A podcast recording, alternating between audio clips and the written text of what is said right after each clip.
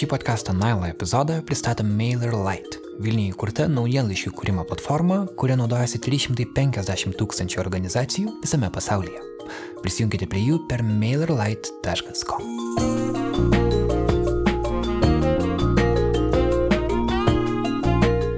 Mano darbas labai sėdimas yra toks, jisai pakankamai toks vienuma žodžiu prie stalo su pieštuku, tai kai klausau podcastų toks jausmas, kad aš pieštukas ir kažkas man pasakoja šalia sėdi istoriją. Man yra panašiai, nes aš turiu tam tikrą laiką dienoj, kada aš klausau podcast'o. Ir, Koks tai laikas yra? A, vėlus vakaras. Ir kai aš vedžioju šunį, paskutinį kartą ten prieš miegą naktį, kokį pusvalandį 45 minutės. Tavo šuniui pasisekė, tu ilgiau vedžioji dėl to, kad daugiau išklausytum. taip, taip, viskas negali. Podcastas būtų nieko vertas be savo klausytojų. Šiandienos epizode mes norime geriau juos, tai yra jūs, pažinti. Dalį jų susitikome Vilniuje, dalį pasiekėme internetu skambindami į Mianmarą, Olandiją ir San Franciską. Kas yra Naila klausytojai, kas jiems rūpi ir apskritai, kodėl jie remia Nanuk. Aš su savo ir savo draugui nupirkau bilietus į Lietuvą, tai dabar esu šiek tiek broke, bet viskas gerai fainai, kad darot ir angliškus epizodus, nes man atrodo, kad ir vienas dalykas jums patiems turbūt įdomiau yra pasišnekėti su įvairesnė publika. Aišku, tai dažnai atsiranda gramatikos klausimai ir visa kita. Nežinau, kaip tau pačiai klausosi, galbūt jau tik, kad keistas formuluotės. Ne, nežinau, tikrai ne, ta, dėl to nieko čia nereikia kompleksuoti, man atrodo, kad viskas pas jūs ten gerai. Turinys e, vis tiek e, yra svarbiausia ir, visos kitos detalės yra antra eilės visiškai. Šiaip tai labai džiaugiuosi, kad jis visą tai daro. Tai yra, tai yra taip nuostabu ir man atrodo, tai taip mus visus bendrina. Tai labai faina. Pasiruoškit, šiandien bus daug sentimentų. Iš studijos Vilniuje sveikinuosi aš, Karolis Višniauskas. Jūs klausotės Nailo podcast'o, vietos, kurioje kas savaitę bandome suprasti modernų pasaulį. Podcast'ą kūrė multimedijų agentūra Nanuk.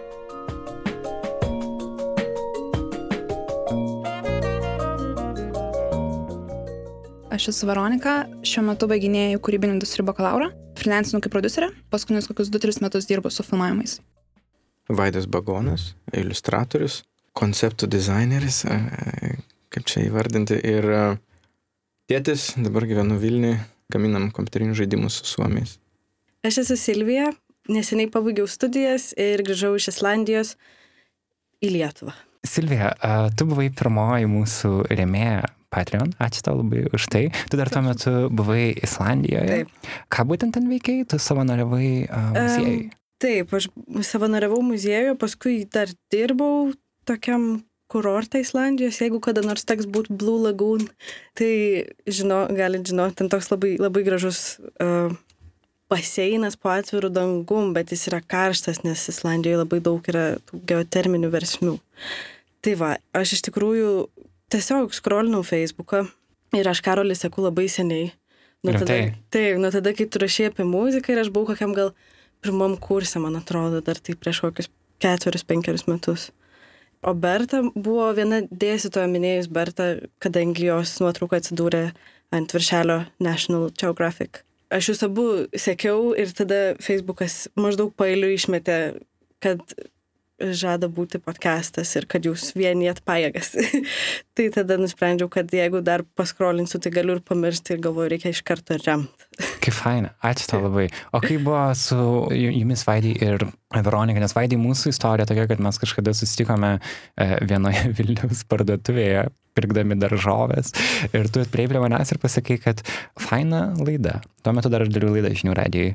Taip. E, man buvo žiauriai smagu, nes kažkaip atrodė, kad žmonės kuklinės, taip pasakyti, aš pats kaip būna, yra kažkokie žmonės, kuriuom aš noriu pagirti, aš taip visai nežinau, ar čia ką man dabar daryti, ar čia eiti prie jų, ar neiti, yra kažkoks barjeras, atrodo, tu kažkaip jį sulaužiai ir ačiū tau už tai. Jo, man kartais taip nutinka ir, ir toks yra kažkoks giluminis noras, žodžiu, padėkoti. Kartais tą padarau, ne visada. Bet su tavo atveju tai man atsitiko taip, kad aš e, atradau tave žinių radijoje, nes kartas nuo karto vis skirtingų podcastų arba tokių laidelių trumpesnių paklausydavau dirbdamas, nes kaip ir minėjau, sėdimas darbas, tai, tai žodžiu, man tiesiog pats formatas tikriausiai tiko ir aš tada atsimenu, kad uh, klausydamas vieną, kitą, trečią vedėją žinių radijo aš tave radau, atsimenu, ir man labai tu išsiskyrė, planai aš paskui galėsiu pasakyti plačiau kodėl, bet iš esmės tai ir pradėjau labai, žodžiu, klausytis visus tavo, visus tavo pokalbius ir laidas, tai Tai jo, ir paskui aš kažkur tai pamačiau, kad, em, kad e, tu liktai jungiasi su, su, su Nanų, Nanų komanda ir e, kadangi man toksai buvo kokybės, žodžiu, ir, ir, ir, ir tokio nuoširdumo ir kokybės, žodžiu, e, ženklas. Ir supratau, kad noriu, žodžiu, sužinot, kas tas Nanuk, nes tikrai nežinau prieš tai. Ir, ir supratau, kad e, bus visai įdomu ir paklausęs pirmus epizodus ir pažiūrėjęs kelis video, aš supratau, kad čia a, jūs visai gražiai gaminat ir kokybiškai ir pagalvojau, kol, kol, kol žodžiu leidžia, leidžia sąlygos, tikrai paremsiu, ir, nes norisi daugiau, Mm. e, kad nenutrūktų. Tai. Ačiū labai gerą girdėti. Aš nenoriu, kad visas šis epizodas būtų pagiras. pagiras tada komandai ar vadės vaškai, bet šiaip tikrai labai labai gerą girdėti. Man gera gird... žinoti, kad žmonės kaip jūs, kad jums rūpi tai, ką mes darom. Nes, pavyzdžiui, Veronika, tavo atveju, aš vis ką tik mačiau naujieną, kad jūsų filmas uh, Skanoramos kino festivalį, kurį tu produsavai, uh, jūs laimėjot kaip geriausias Baltijos šalių trumpametražis, tai berots Kaip reikėtų įvardinti. geriausias uh, Lietuvos trumpametražis ir kaip geriausias Baltijos šalių filmas. jo. Super, sveikinu. Kuris tai filmas buvo? Dėkui. Paskutinė diena. Aha, režisierė. Klaudija Matvevaitė. Jo, tai žinai, kai, arba pavyzdžiui, a, Silvija tavo atveju, kažkai yra kažkoks žmogus Islandijoje, kuris atrodo galėtų šimtą dalykų daryti, bet renkasi domėtis nanuk veiklomis arba Nailo podcastų, lygiai taip vaidai su tavim, kad tu kuri kompiuterinius žaidimus, kas yra savaime žiauriai sudėtingas dalykas. Mums tai žinai, yra didelis įvertinimas, kad tokie žmonės kaip jūs klauso. O kalbant apskritai apie podcastus, ar jūsų draugai klausosi, ar jūs esate tokie labiau išskirtiniai? Čia kalbu ne apie, ne apie Nanuk podcastą, bet apskritai apie šitą formatą. Nes man atrodo, kad Lietuvoje jis vis dar nėra atrastas. Mes nuo rugsėjo taip vis bandom jį kažkaip pušinti, bet žmonės dar kartais galvoja, kas tai apskritai per daiktas. Silvija, kaip tau atrodo? Mano draugai ir apskritai, kiek pažįstu žmonių, nelabai dar irgi yra įsijautę į šitą podcastų reikalą visą. Aš pati tai atradau labai jokingai, nes Spotify'us parodė, kad yra podcastų atskira sritis ten ir buvo podcastas apie Adventure Time, tokį animacinį filmuką. tai ir aš jo visą suklausiau ir tada supratau, kad yra labai gerai ir tada kažkaip labai viskas tuo pačiu metu vyko ir jūs atradau ir, ir dar daugiau podcastų. Tai taip, ir man atrodo, kad jų labai reikia, jie tokie labai dažnai, bent jau kiek man teko susidurti, būna labai kokybiškai parengti ir gal geriau negu, nors man visai gerai ir radio laidos klausosi kartais, taip tiesiog, bet podcastai yra patogesni kažkuo, Aha. jie O labiau teminiai. tikslas nėra konkuruoti su radiju, Mhm. kaip dažnai kalbu su radio kolegomis, nes aš pats radio vis dar vedu laidą ir uh, jie galvoja, nu tai čia jūs maždaug kažkokie neva geresni. Iš tikrųjų tai ne, man atrodo, kad jeigu žmogus klausosi radio, jau gerai. Nes tada jis klausys podcastų irgi galbūt. O kaip įpratot e, jūs, Veronika, kaip buvo tau? Mano pirmas podcastas buvo Welcome to Night Vale. Ir jis, nežinau, ar kiti žino. Jisai... Night Mail? Night Whale. Aha, jisai panašus į serial, tuo, kad jisai turi savo veikėjus ir pasakoja istoriją, bet jisai toks labai nurautas, visiškai mm, mistinis ir mitinis, ten visokių būtybių yra trigalvių šunų katinas, kuris gyvena virš kreuklės ir panašiai. Tai aš klausydavau pagrindinai tik tai jo, o iš draugų, va, ten grįžtant šiek tiek anksčiau, aš nežinau, kaip dar kiti pabaigs kalbėti, bet maniškių tarpe tarp rėmėjų esu mačius vieną pažįstamą irgi uh, mm. Nailas, bet šiaip neklauso. Ir man labai keistas jų argumentas būna, nes jie sako, jie net neranda tam laiko, lyg klausimui tu turėtum kažkaip anotuotą laiką ar skirti kažkokį specialų. Tarsi dabar atsisėsi ir pusantros valandos Taip, taip, taip, sėdėsi taip, prie ir man tas yra kompiuterio ir taip klausysi. nesuprantama, nes Nailą aš la- labai ją mėgstu ir aš visiems ten siuntinėjau epizodus, kad va šitas tau nu, labai tinka. Va. Jei, Tik šitą gali neklausyti visko, bet va, paklausyk šitą. Ir taip, taip, kai bus laiko.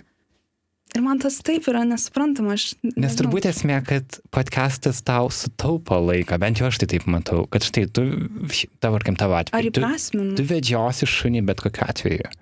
Tai kodėl negauti kažkokios informacijos Būtent. tuo metu į savo ausis, kai tu vedžioji šunį? Bet man atrodo, čia yra įprotis gal. Gal jeigu tu įpranti, kad kažkaip visą laiką kažkas tau kalba ir tada tau poreikis to atsiranda. Nenu, bent jau mano atveju, man atrodo, aš įpratau prie to turinio, prie kažkokios informacijos ir aš tiesiog nenoriu jos prarasti, man patinka ta įvairovė. Po pirmo, po nulinio podcast'o aš ten prisirankiau daugiau, ten visokių rekomendacijų, po to pati pasigūlinau pati kažko. Ir nežinau, man patinka, man tas laikas tada nesinori sakyti, kad jisai būtų beprasmės, jeigu tu tiesiog vaikštum be ausinukų ar vedžiotum šunį, bet jisai prasmingiau vis tiek atrodo praleistas.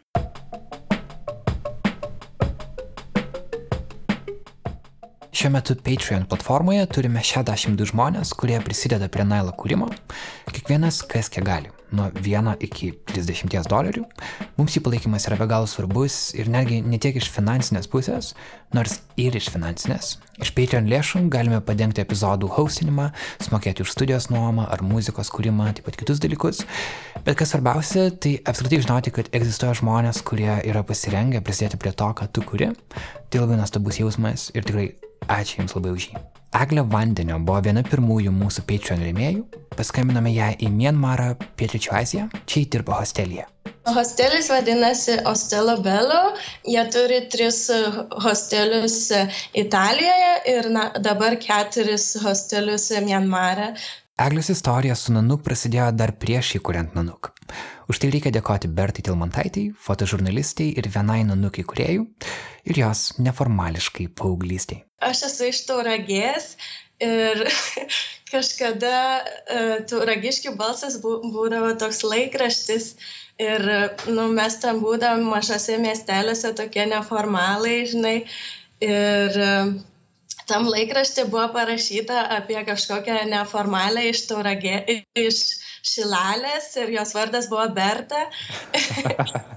šila, prisimenu, nes man įdomu buvo, kad va, čia Šilalė netoli nuo Tauragės ir kad va, kažkoks įdomus žmogus e, gyvena ten, bet aš niekada jos nesutikau.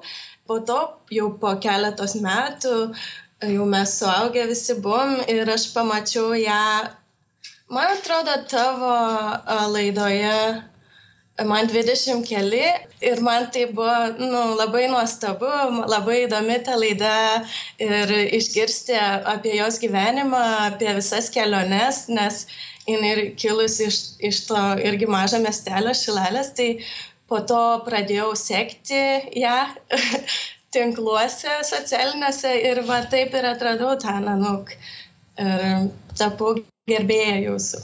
Geras, faina. O, o ką tu pati veikia? Tu esi dabar Mianmarė biure kažkokiam, ar ne? Ar gali papasakoti apie savo, apie savo darbą?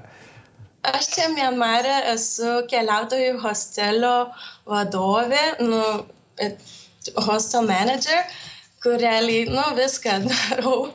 Aš visada norėjau kažkur toli išvažiuoti, kažkur keliauti, Bet aš, kadangi baigiau tokią specialybę, nelabai pelningą, bet labai nuostabią, aš baigiau socialinę antropologiją, nu, social... kultūros istoriją ir antropologiją baigiau VU, o po to magistrantūrą socialinę antropologiją VDU ir aš galiu tik gražiausiai žodžiais atsiliepti apie tą socialinės antropologijos centrą, bet žodžiu, po studijų aš bandžiau ieškoti ten darbo, labai blogą darbą radau administratorė infodeske šitam prekybos centre, tai ten nužiūriausia, ką, ką esu dirbus, tai ištvėriau vieną mėnesį ir po to pagalvojau, ai, geriau važiuosiu kur nors nu, aš norėjau keliauti, bet aš neturėjau pinigų, tai sugalvau, kad susirasiu šitą savanoriavimo vietą kokiam hostelėje. Tai iš pradžio išvažiavau taip į Budapeštą vieną mėnesį ir po to ten sutikau irgi tokių įdomių žmonių ir jie sako, tai kur tu toliau važiuosi. Ir aš tada suvokiau, nu, kad aš neturiu iš tikrųjų grįžti ten atgal ir, ir kažką ten vėl ieškotis ir rašiau tada, mano svajonė buvo į Sarajevą nuvažiuoti ir ten susiradau irgi savanoriavimo vietą irgi hostelėje keliautojų. Nu va ir tai prasidėjo, tai iš pradžio aš savanoriavau, o po to jau pradėjau gauti tuos apmokamus darbus. Ir taip ir gavosi, kad aš jau kiek čia metų, kokie keturi, gal hosteliuose dirbu. O kaip atsidūrė būtent Mienmarė?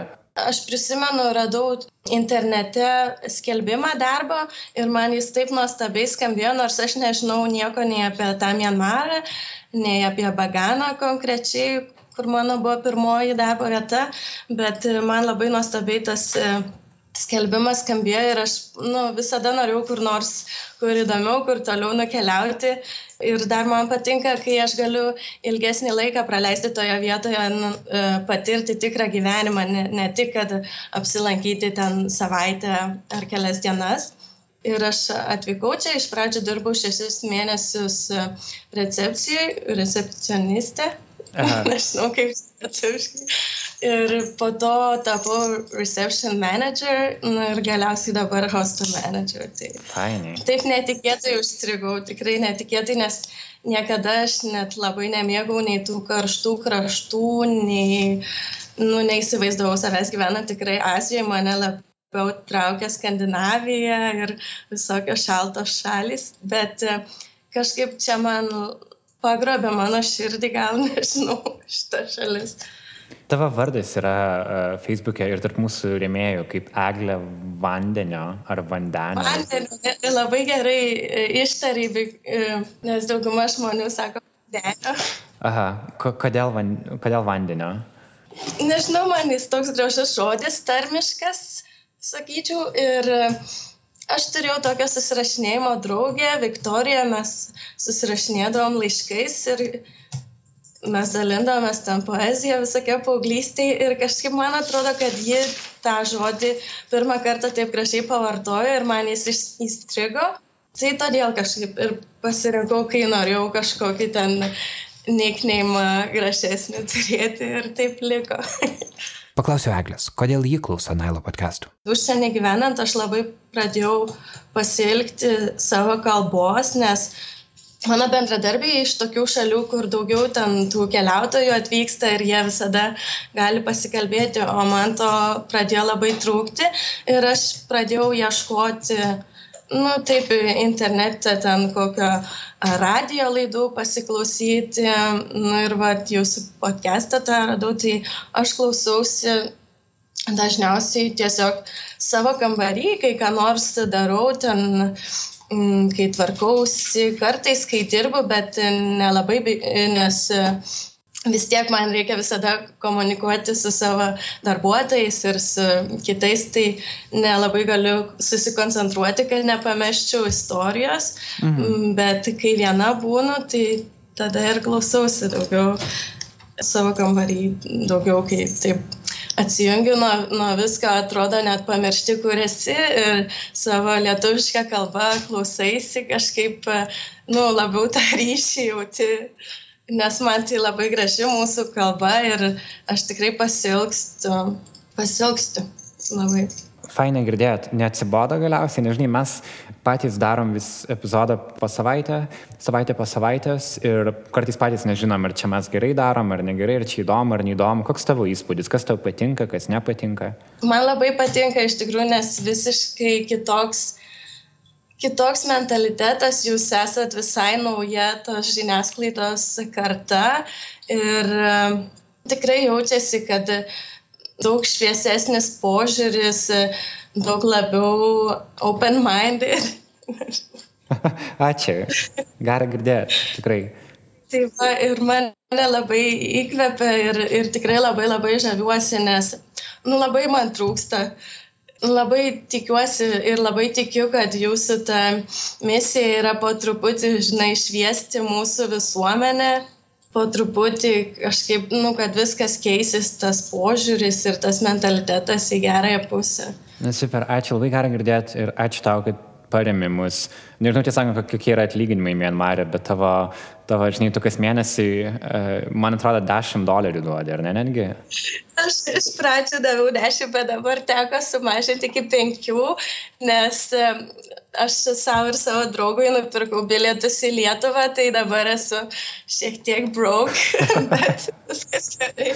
Ačiū tau labai, labai faina. Tikrai ir perduosiu Bertai, kad, kad apie ją straipsniai pasiekė žmonės, nes jinai sakė, kad buvo kažkokia gotė, žodžiu, visiška. Ir... Jo, jo. dabar jinai Egipte yra, tai būtų smagu, kad ji darytų interviu, bet vienas dabar likau ir e, pokalbius daryti. Tai, žinai, kitą ketvirtadienį mes paleisim šitą epizodą, aš tau pasidalinsiu ir labai labai faina. Ačiū, kad sutikai. Gerai, ačiū Jums ir didžiausi linkėjimai, nesustokit, įkvėpkit visus labai gerai. Okay. Iki. Bye bye.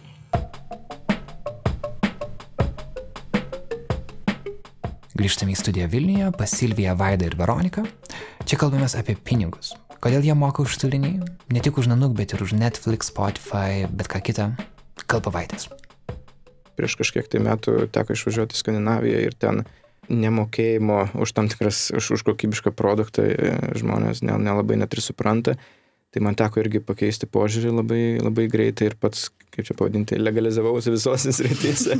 Nes būti iš Lietuvos atėjus tada tokia linkomanijos kultūra. Jo, man tada nes tai o buvo. Kam čia mokėt, kai gali gauti? Jo, nes, nes, nes prieš tuos 7-8 metus ar kiek tas dar buvo toks toks kaip ir keista čia dabar staiga už, už, viską, už viską mokėti. Aišku, tai turi būti ir sąlygos, ir galimybės tau tą daryti, bet kai tas atsirado, aš iš karto mm, prie to pripratau aš, tar, tarkim, moku už Netflixą, moku už Spotify, jau yra susidariusi suma, galų gale, tarkim, netgi ir ne, kas ne internete moki už kažką ar nusipirki kažką, tos sumos jos tokios, um, tada susidėlioji visą tą ir pasižiūri, kiek daleiskim man kainuotų jūsų, jūsų podcastas ir, ir be jokio bejonių.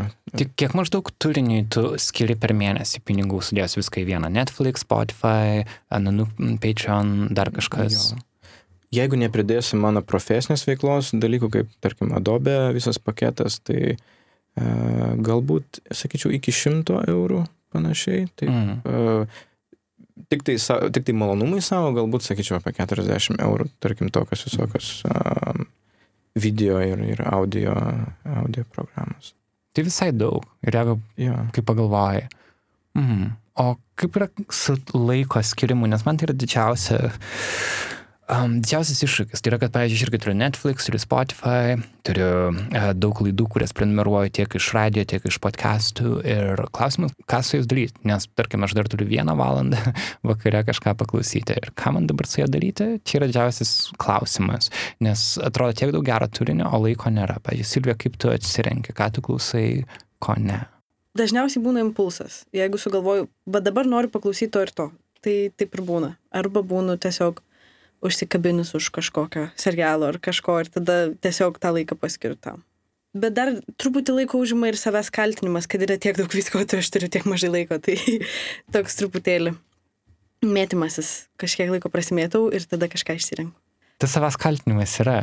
Nežinau, aš labai nemažai vartoju to turinio turiu blogą įprotį, aš turiu įprotį tą prisidaryti daug tabų ar ko nors ir ten read later, ar ten Instagram'e aš turiu folderį, net ten kažkokį irgi postų su nuorodom į knygas ir kažką, ką aš pačekinsiu vėliau ir prie ko aš aišku neprieinu.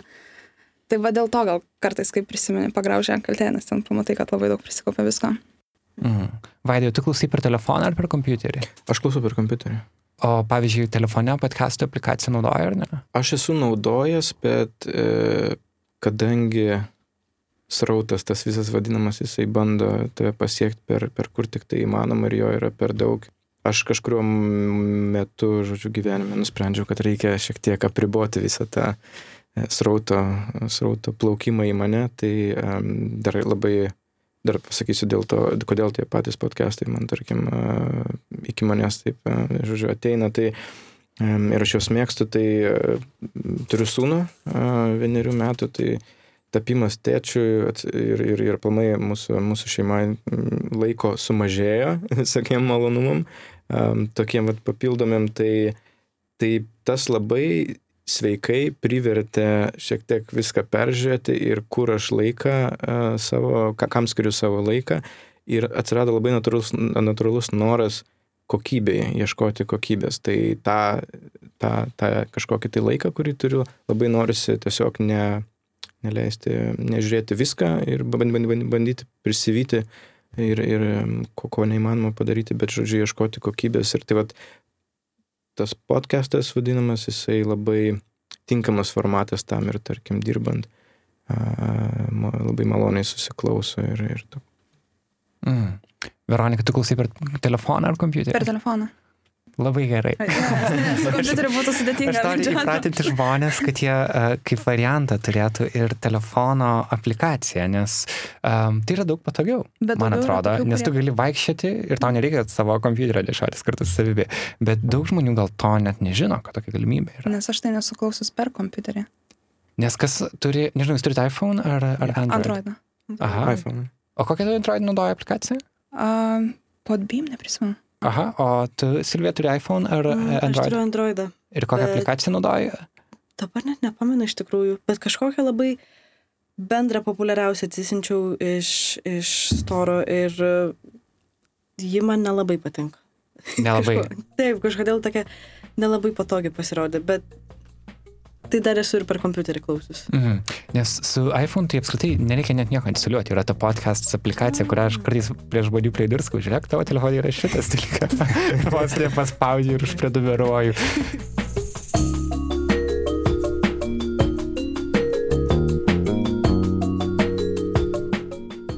Dabar yra pusė dvylikos, naktis Vilniuje, skambinu į Silicijos lėnį, kur Julija Bogdanaitė turi keletą laisvų minučių tarp susitikimų. Labas. Girdi mane? Gal šiek tiek, šiek tiek atsilieka garsas, bet, bet viskas gerai. Man irgi taip pat. Kaip tau sekasi? Fainai. Labai džiaugiuosi, kad, e, kad sutikai kalbėti. Nes tavo, tavo diena labai įtempta, kaip suprantu, ar ne? Šiandien visko daug vyksta, žinai, paskutinę savaitę prieš kalėdas, ten visas, visi išvažinės, tai šią, šią savaitę visi nori viską pabaigti. Julijos istorija įspūdinga. Ji yra astrofizikos mokslų daktarė, kurios tyrimas publikuotas viename iš dviejų svarbiausių mokslo žurnalų Science, bet dabar ji gyvena San Franciske, dirba centrinėme Facebook ofise. Greičiausiai mane reiktų vadinti lietuviškai duomenų analitikė. Ir pažiūrėjau tavo darbo diena, kaip jinai atrodo. Šįryt atvažiavau kokią devintą į darbą ir turėjau kokius kelis susitikimus, gal keturis iki šiol. Ir vieną interviu, kur nu, mes naujus žmonės samdom, tai vieną interviu turėjau. A, tada dar bus vienas susitikimas ir, ir tada bus mano laikas jau tiems duomenims analizuoti. Tai dabar tu esi pačiam Silicon Valley, ar ne? Mhm. Menlo Park. Juliją dar būtinai kviesime susitikti išsamam interviu apie Facebook ir technologijas apskritai, bet šį kartą su ja kalbuosi kaip su podcastų klausytoja. Kai kalbam apie podcastus, atrodo, kad Amerika yra ta vieta, kur daugiausiai yra galbūt kultūra podcastų tam tikras susikūrus, kad žinai, žmonės, ten yra daugiausiai klausytojų ir, ir daugiausiai podcastų yra ten kuriama. Ar pavyzdžiui, tarp tavo kolegų ir tarp tavo draugų uh, San Franciske, ar populiaru yra klausytis podcastų? Mhm, labai populiaru yra, nes labai daug kas praleidžia daug laiko važiuodami į darbą, patys vairuoja ar važiuoja ten į, į tas didesnės kompanijas su tais kompanijų autobusais, tai praeina, žinai, vieną pusę kokių gali būti iki valandos laiko užtrukti, tai podcastai visus išgelbėja nuo nuobodulio, nes ne visada norisi, žinai, tam bevažiuojant ten kažką rimto daryti, jeigu ir nevairuoji, žinai, visą laiką kažką norisi veikti, bet nelabai įtemptai, tai podcastai užpildo tą erdvę. Kaip tu pati klausaisi? Aš tai klausausi, kai važiuoju, vairuoju į darbą. Tai man užtrunka ryte kokių 20 minučių turiu, o vakare užtrunka ilgiau kokių 40. Tai išeina kažkur per dieną ir suklausau kokį podcastą. Maždaug, gal kartais mažiau, priklausomai kaip ten išeina. Ir kokius tu klausai? Nes turbūt pradėjai klausyti anksčiau už daugelį mūsų. Ai, nežinau, žinok, ar anksčiau pradėjau. Aš klausau keletą, taip nuoširdžiai ir paskui eksperimentuoju su daug. Tai a, tuos, kur pastoviai klausausi, yra Very Bad Wizards. Ten tokie du, a, du profesoriai šnekasi ir jie tokius pusiau rimtai, pusiau nesąmonės, bet nu, gal labiau rimtai šneka ir visokiam temam apie psichologiją ir filosofiją. Ir apie filmus ten, kuriuos jie mėgsta ir taip toliau, tai man patinka jų diskusijų pasiklausyti. Ir dar klausausi Sam Harris, kuris yra ten visokiais moraliniais klausimais labai rūpinasi ir įdomus pašnekovus įsikviečia į savo podcastą. Na, nu, aišku, This American Life, čia jau klasika. Uh, dar klausausi Rough, trans, rough Translation. Šiuo metu šitie, man atrodo, mane labiausiai, labiausiai uh, daugiausiai klausausi. O kaip to šiaip sekasi pačiai, žinai, nes mes kaip paskutinį kartą kalbėjom radijui, tu, tu, jo, tu dirbai Facebook'e, tu dabar esi toj pačioj pozicijoje, ar ne, bet tavo, kaip visa karjera klostėsi, gali kažkokį update duoti? Darbas, kaip ir viskas tas pats, bet labai daug visko pasikeitė, žinai, Facebook'as labai plečiasi, labai daug žmonių prisisamdėm naujų, tai čia visko labai daug vyksta, pačioje kompanijoje viduje. Ir, ir ne tik, kad o kas čia dar, kokį čia tai dar sugalvoti? Ai, dar išmokau vairuoti. Geras. Nes nemokėjau. Nu kaip, turėjau teisės išsilaikius, kai buvau 18 išsilaikiau. Niekad nereikėjo. dabar važinėjau darbą savo, tai va, tos podcastus galiu pasiklausyti važiuodama savo ramiai. Tu, tu gal turi mašiną kažkaip integruotą sistemą, kad ar tu klausai per ausinės mašinai? Man e, e, iš telefono groja mašina, tai per Bluetooth'ą. Tai Geras, nes aš, aš esu skaitęs, kad žmonės JAV tai gan paplitusiai daro, aš Lietuvoje nesu dar matęs, kad kažkas tai darytų. Bet čia yra vienas iš planų, kad žmonėm parodyti, kaip galima klausytis, nes mes supratom, kad didelė bėda, kad žmonės tiesiog nelabai žino, kaip, kaip čia tą informaciją vartoti, nes prie radio jie įpratę, o prie podcastų nėra įpratę. Ar tau tekasi dirbti su žmonėm, kuriem tu vos nepapasakotavai, kas yra podcastas ir tarsi davai tokį, žinai, įžangą ir kaip tu patartum žmonės leisti jiems pabandyti, žinai, daryti, klausytis podcastus, kokį tu pasiūlytum būdą. Žinai, tos asmeninės rekomendacijos geriausiai veikia, kai žmonės ką nors papasakoja, kad, o, va čia klausiausi, labai patiko ir tada, žinai, nusinti linką ir, ir tada viskas prasideda maždaug nuo, nuo to. Paskui kitas dalykas, kuris labai palengvina visą tą procesą klausimasi, yra, aš turiu tą vieną tokį appsą, vadinasi Casts, ir aš ten tiesiog užsiprenumeravau visus uh, podcastus, kuriuos aš mėgstu klausytis. Ir ir parsisiunčiu. Čia Android ar iPhone? Čia iPhone. Okay. Nes iPhone'uose netgi yra instaliuota šitą podcast aplikaciją, tai tokia standartinė, jos net nereikia parsisiųsti. Aš nelabai mėgstu to. aš irgi nelabai. tai tu rekomenduotum Casts. Aha, man labai patinka, nes kažkaip, nežinau, viską labai gerai suranda, e, labai viskas aišku ir ir jo, aš ir tada parsisiunčiu, ir tada sėdu į mašiną ir jau klausausi, ten viską man auto, automatiškai susijungia. Tai tai labai paprasta gaunasi.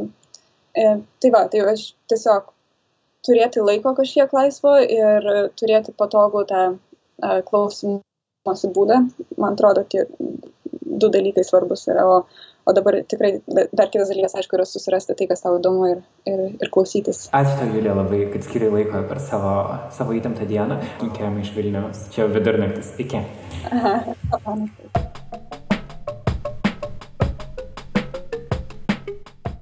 Primenu, kad šį Nailą epizodą pristatom MailerLite, Vilniuje įkurta naujienlaiškių kūrimo platforma, kuria naudojasi 350 tūkstančių organizacijų visame pasaulyje.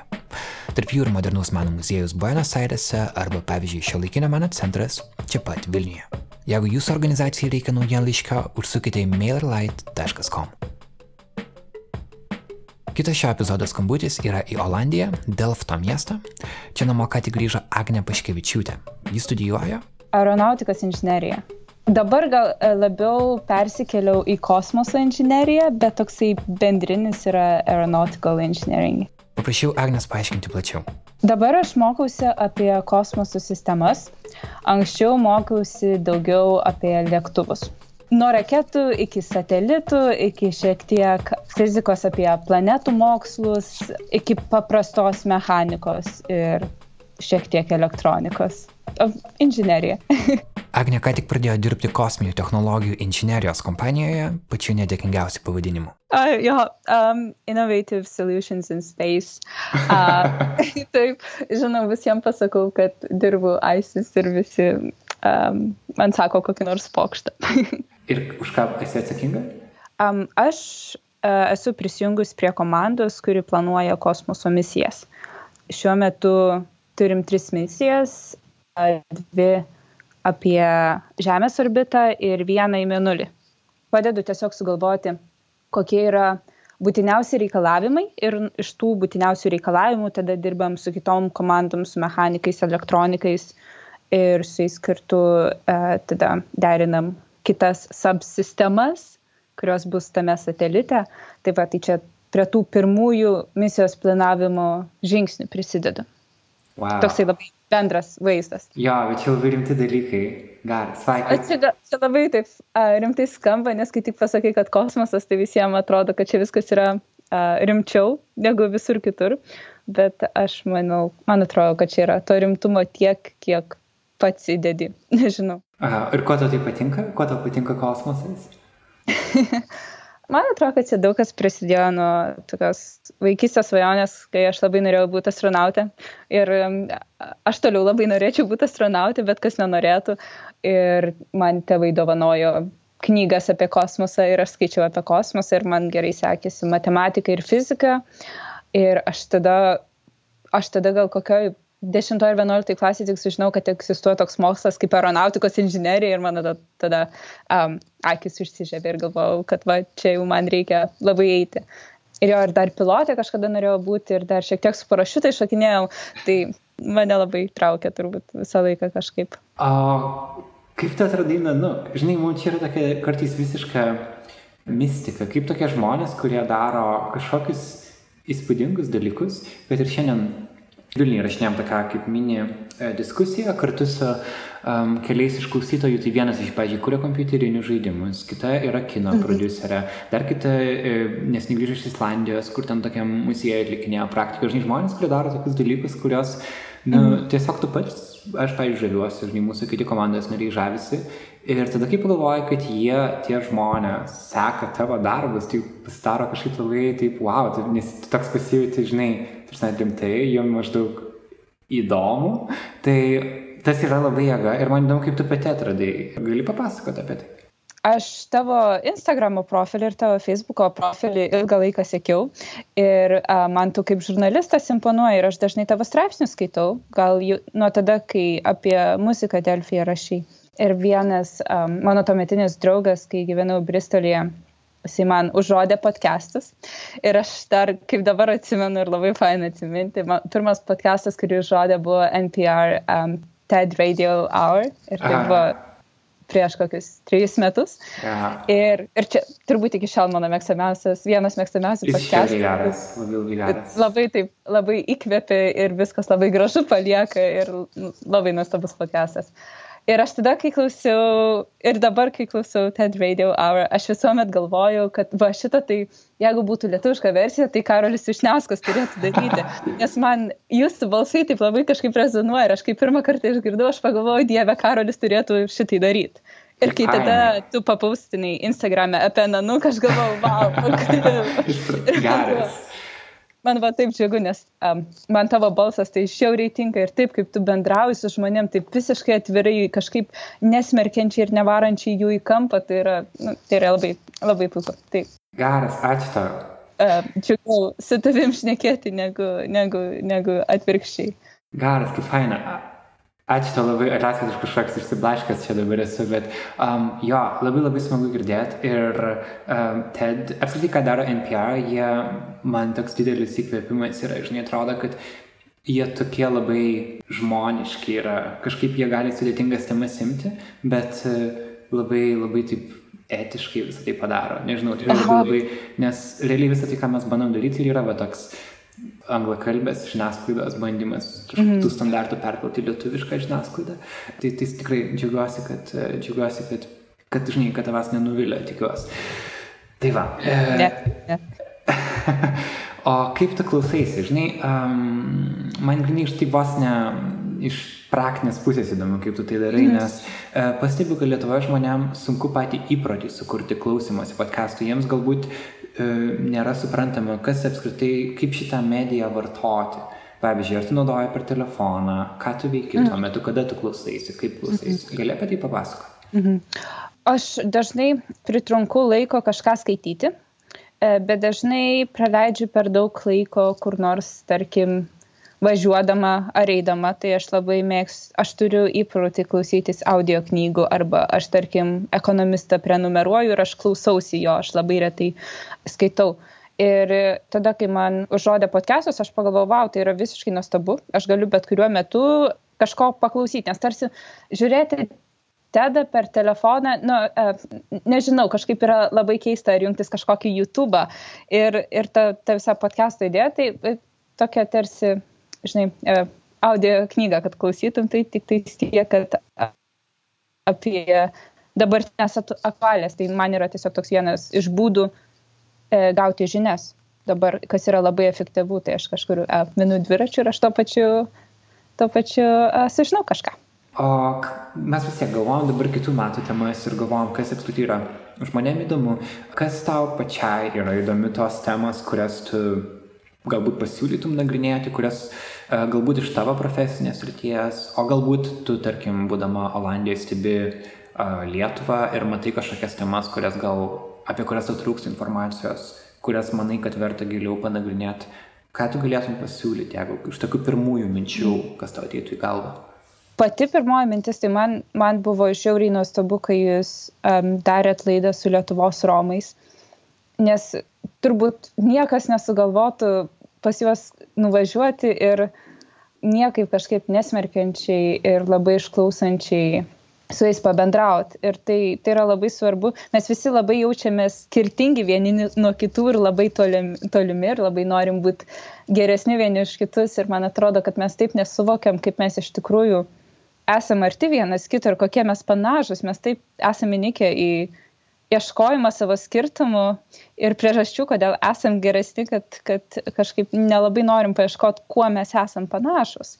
Ir man atrodo, kad pat, tokia laida labai padeda atrasti mums visiems kažkokį žmogiškumą savyje ir duoti tom visuomenės grupėm balsą, kurios įprastai yra labai stereotipizuojamos, jeigu tai yra žodis. Yra. Um, jo, ir man, man tai yra žiauriai žavu ir man atrodo, kad um, nežinau gal su kokiais nors Lietuvos musulmonais ar dar kažkokiam grupėm, kurios tarsi turi neigiamą įvaizdį mūsų visuomenį ir galbūt jos nėra tokios neigiamas arba gal su nuo narkotikų priklausomai žmonėm, kad kažkaip panaikinti truputėlį tos barjerus, nes man atrodo, kad mes esam, man labai toksai didžiausias skirtumas Lietuvoje, kad mes turim tokius didelius skirtumus, kaip mes didžiuojamės esantys iš Vilniaus ir smerkiame tuos esančius iš Panevežio arba e, darantis vienus dalykus ir smerkiame tuos, kurie daro tuos netokius kietus dalykus. Ir, ir man atrodo, kad kažkaip um, būtų faina taip žmogiškiau visiems pasižiūrėti. Faina tai labai iš tavęs girdėti, nes atrodo, kad tu pati darai labai kietus dalykus ir tu tarsi galėtum visiškai atsiriboti nuo, žinai, tų visuomenės grupių, su kuriuom tu turbūt ir nelabai susiduri. Tarkim, kodėl tau turėtų rūpėti kokie nors, ten, tarkim, nuo narkotikų priklausomi žmonės. Bet tau jie rūpi, tas labai gražu yra. Aš žinai, aš va dabar, kai kalbėdama, čia jeigu per daug išsiplėsiu, tai tu mane stabdyk, bet va aš dabar dar atsiminiau, kad uh, aš kai tik čia atvažiavau, uh, mano e, finansinė situacija buvo labai sudėtinga ir viena iš priežasčių, kodėl aš važiavau į šitą Erasmusą, tai buvo dėl to, kad duoda pinigų už tai, kad darytume Erasmusą. Aha. Nes aš būčiau mieliau pasilikus Švedijoje ir viskas iš tikrųjų čia labai gerai gavos. Bet kai aš tik atvažiavau, aš labai puoliau darbą ieškoti ir aš um, norėjau dirbti, aš buvau pasiruošus dirbti bet ką ir aš galvau, kad man turbūt nieko nepavyks susirasti, nes aš studentė, aš olandiškai nekalbu, aš tik tais galiu dirbti pusę etato. Ir aš pradėjau dirbti nuo um, indų plovimo, tada uh, nešiojau stalus ir dar kažką dariau. Ir aš atsimenu tą pirmą dieną, kai atėjau čia neseniai indų plauti ir čia buvo viena iš universiteto valgyklų. Ir su manim kartu dirbo viena moteris, kuri ten jau dirbo labai ilgą laiką ir jinai buvo iš um, Indonezijos. Ir mes kažkaip taip su ją susi... Mm, susibondinom, susi... susidraugavot. Mes visi susidraugavom ir buvo taip faina kažkaip taip a, paprastai plauti tos indus ir šnekėti ir kalbėti apie tai, kaip yra svarbu prisiminti šalį, iš kurios esi kilęs ir uh, žinoti savo tradicijas ir papročius ir mus tai labai suvienijo, nes jinai buvo iš Indonezijos, aš esu iš Lietuvos, tarsi iš rytų Europos, kas irgi nėra krūta, jinai nesijaučia krūta, nes jinai yra iš Azijos. Ir kažkaip buvo taip faina ir aš tada pagalvojau, blemba, turbūt kiekvienas CEO ar kiekvienas žmogus, kuris kažkaip labai save aukštai ima vertinti, turėtų, turėtų savo pasidaryti terapiją, buvimu su nefainiai pasakysiu su paprastais žmonėm, bet sakykime su tais žmonėm, kurie yra laikomi niekietais mūsų visuomeniai. Na, tai man atrodo, kad tai yra, tai yra taip sveika ir tai yra taip faina ir tai buvo mano viena džiaugsmingiausių dienų tą kartą. Visiškai pritariu, žinok. Ir jeigu tu jauti, kad, tarkim, tas pats podcastas kažkaip prisideda prie tokio pagarbesnės kažkokios visuomenės kūrimo, nes toks ir bent jau tai yra vienas iš mūsų tikslų, žinai, parodyti, kad mes kažkaip galim apie viską kalbėtis visiškai mhm. pagarbiai vieni su kitais. Mhm. Ir jo, tai, žinai, toks irgi tikslas yra tiesiog kažkaip pakeisti šiek tiek tokią bendrą kultūrą, bendravimą kažkokį. Jo, jo, man atrodo, tai žiauriai svarbu. Tas toks pagarbos įnešimas ir tokios kažkokio atjūtimo, nežinau, meilės vienas kitam. Mm. Pritariu tau. Ačiū tau labai. O tai sakyk, dabar tu, tu pakoji dovanas, ar ne? Tu grįžti greitai Vilnių. Tikrai klaipėdė. Taip. Turi, turi, Skaisto neturiu. turi kažką su kosmosu susijusio? Ne, neturiu. Um, neturiu. Man atrodo, kad visi yra taip pavargę nuo mano kosmoso. Aš buvau pamiršus dėl Marso prieš tai, dabar esu pamiršus dėl asteroidų. ir, nu taip, tai aš kankinu savo draugus ir jie, man atrodo, pavargsta truputėlį nuo manęs kartais. Ar atsitrenks asteroidas į Žemę, ar ne? Jo, turbūt atsitrenks. Kitais Nu, metais. šiaip tai didelė tikimybė. Nu, gal ne. gal ne. Nu, tikėkimės. Mes dar norim padaryti keletą epizodų. Šiaip tai labai džiaugiuosi, kad jūs visą tai daro. Tai yra, tai yra taip nuostabu ir man atrodo, tai taip mus visus bendrina. Tai labai faina. Ačiū tau, Vegne. Gerą vakarą. Ačiū tau. Iki. Iki.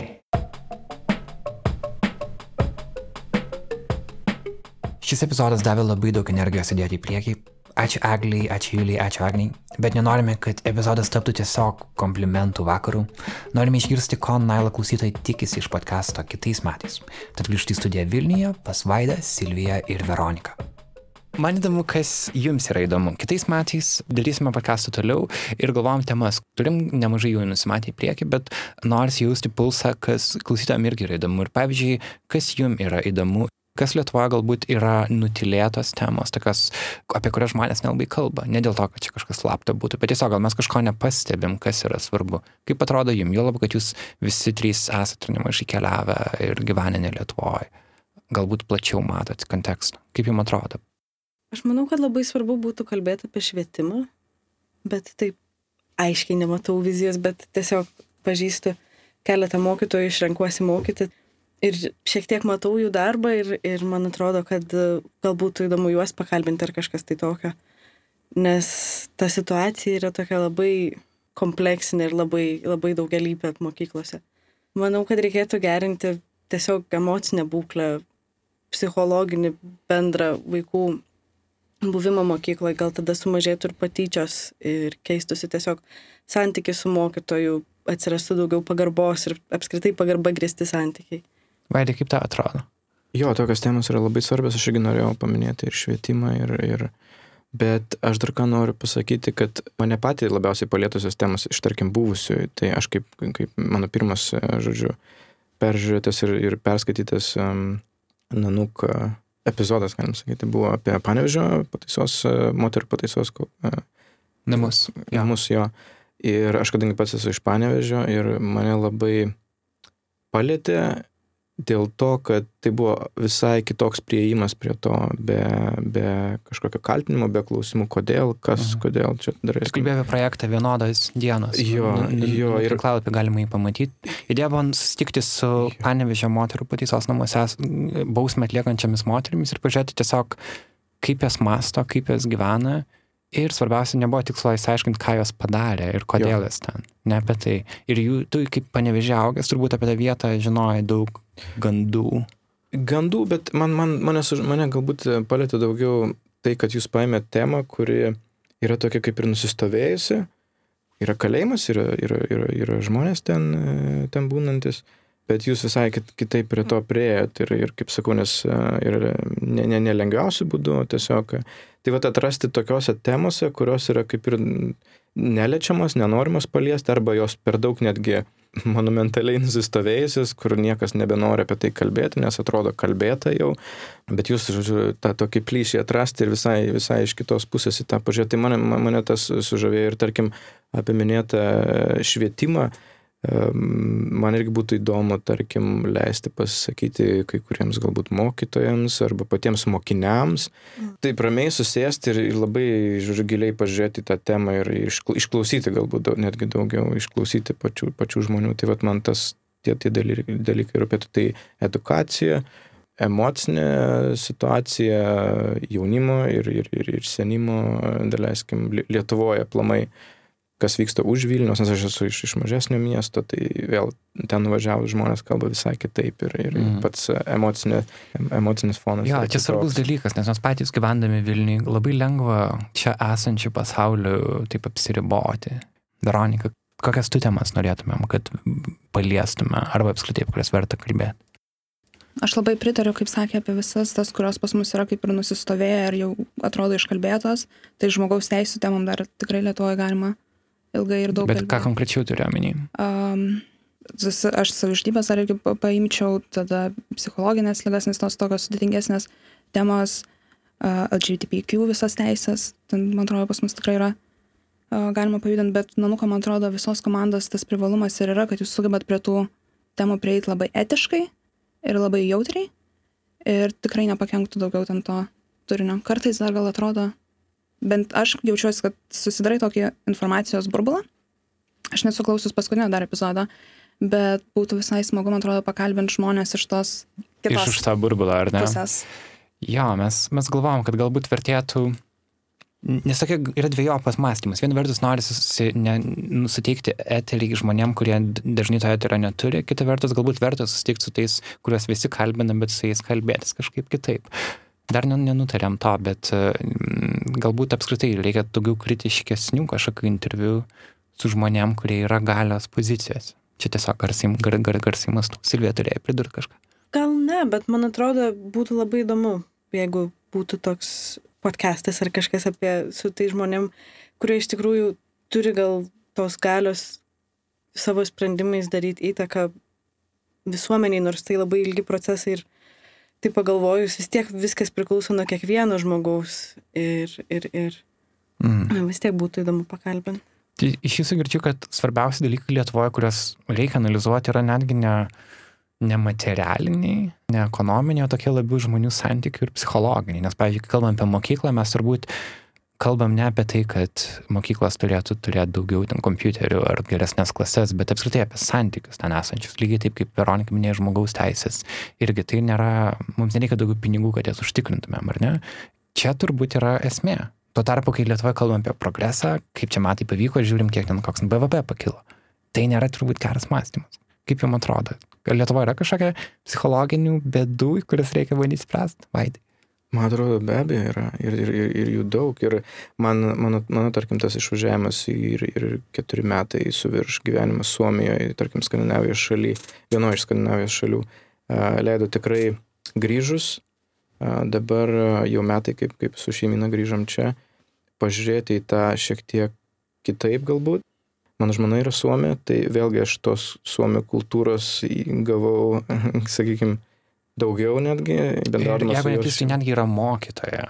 Ji, ji pabaigus, ji galėtų dirbti mokytoja, bet, um, bet ji dirbo edukacijos sferoje, sudarinėjo vadovėlius mokykloms. Bet kokia atveju yra švietimo. Jo, jo yra, prisideda sistemoje. prie švietimo, Aha. be abejo. Um, tai jo, aš kartais paklausinėjau, ypač jeigu kažkokie straipsniai ir dar kažkas apie ypač edukaciją, kaip yra Suomijoje, nes man kartais įdomu, aš tikrai daug nežinau ir pats jos pasiklausiau, kaip pas jūs yra, daleiskim, tas ir tas dalykas sutvarkytas. Tai jo, ir, ir, ir man atrodo labai svarbu kalbėti apie pačius santykius, santyki žmogaus, kuris ateina į mokyklą, žmogaus, kuris moko ir kaip į tą žmogų yra žiūrima požiūrį patį.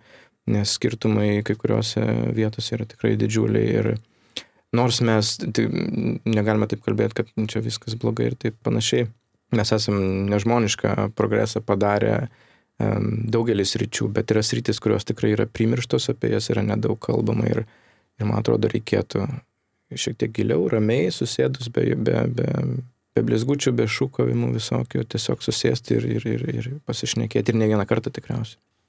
Kaip jums patiems metai šitie praėjo? 17 metai dabar jau praktiškai baigėsi. Ar jums buvo geri metai? Geri. Aišku, gerai. Pasilgsi Islandijos? Aha, kartais. Kiek laiko ten dabar jau, jau grįžai? Aš grįžau prieš kokį mėnesį kažkur. Kažkas tai tokio. Dar truputį keliavau, paskui tai taip, viskas išsitempė į tokį keistą sapną. Bet pasilgstu kartais ten lavos laukų ir atrodo to tokio buvimo menulį ir kažkur labai toli nuo visko. Toks labai keistas jausmas, kai tu nes Islandai irgi užsidaro į tą savo burbulą ir atrodo, kad viskas dedasi tik pas juos. Ir nors iš tikrųjų tai, tai jeigu vienas didesnių pranešimų žiniuose yra apie tai, kad prezidentas mano, kad ananasai neturėtų būti picos pagardas. Tai turbūt... Tikrai neturėtų tiesą sakant. Ginčytina. Nes tai jau yra piragas, tai nebe pica, tai yra piragas. Gal ir taip aš gan neutraliai laikau, laikau šito klausimu. Mes tai, turėsime apie tai epizodą padaryti. Tai, i- tai turbūt pas juos nieko tiek, jie visai gerai gyvena. Tai tas burbulas toks jisai labai įdomus. Ir pasilgstu, bet ir kartu gal ir gerai, kad aš grįžau. Tai va. Veronika, tau metai buvo geri turbūt dėl skanoramos e, apdovanojimo. Ir ne tik, bet Ir taip, taip. Skanorama buvo labai, labai, labai smagi metų dalis, bet šitie metai bent man buvo labai tokie uh, nenuspėjami. Pernai spalio mėnesį grįžau iš irgi Portugalijos, iš praktikos Portugalijai uh, ir pradėjau dirbti Techparke, uh, Vilnius Techparke pusę etato ir tada atrodė, kad ten tiesiog studijuosiu ir panašiai, bet išsirutuliojo labai ten ir darbą dviejose įmonėse ir ten etatų su pusė, ir trumpametražio filmavimą, kitus visus darbus. O dabar taip viską vėl šiek tiek atsimėčiau ir metus naujus pradėsiu vėl beveik nuo nulio. Tai žiūrėsim. Super. Aš jau laukiu kitų. Sėkmės tau. Vaidai, kiek tavo uh, sūnai metų dabar? Dabar metai du mėnesiai.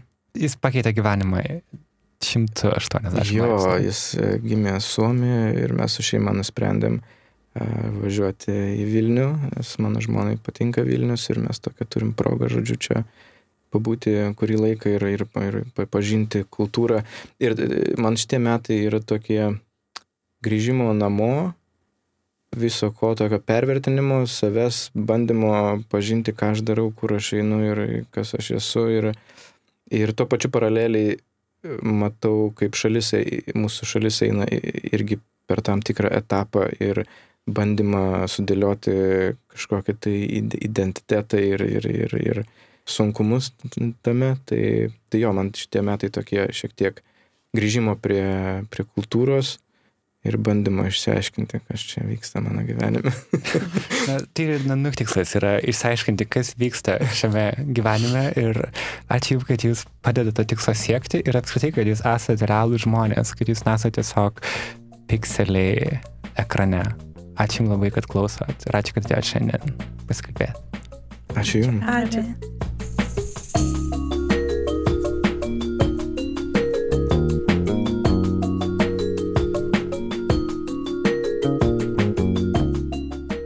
kad buvote kartu.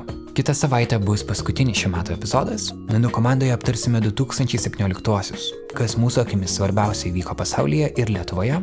Dalyvaus Berta, Artūras ir apskritai visa podcast'o komanda. Sutarėme, kad kiekvienas mūsų atsinešime po tris įvykius, prieš tai nepasakę vienas kitam apie juos. Neįsivaizduoju, ką atsineš kiti, bet labai laukiu sužinoti. Šis epizodas bus kitą ketvirtadienį. Ieškokite jo tinklalapyje Nile.lt arba, kaip šiandien išsiaiškinome, telefono podcastų programėlėje. Kad ir kokią ją naudojate, svarbu, kad naudojate. Ačiū naujausiams mūsų Patreon rėmėjams - Jevai Matulaitytei, Simonai Pociutai, Andriui Klipaičiui ir Simonai Dambrus. Kviečiame prisijungti ir jūs adresu patreon.com nanuk multimedia. Nailo muzikos autorius yra Martinas Gailius iš Soda Sounds, mūsų garso režisierė yra Kata Bitoft. Nailo LT rasite visų šiandienos pašnekovų nuotraukas, jų autorė yra Gintarė Kulytė. Epizodą večiau ir montavau aš Karolis Višnauskas, Nailo podcastą kuria multimedijų agentūra Nanuk. Gražių švenčių jums, greitai sustiksim. Iki.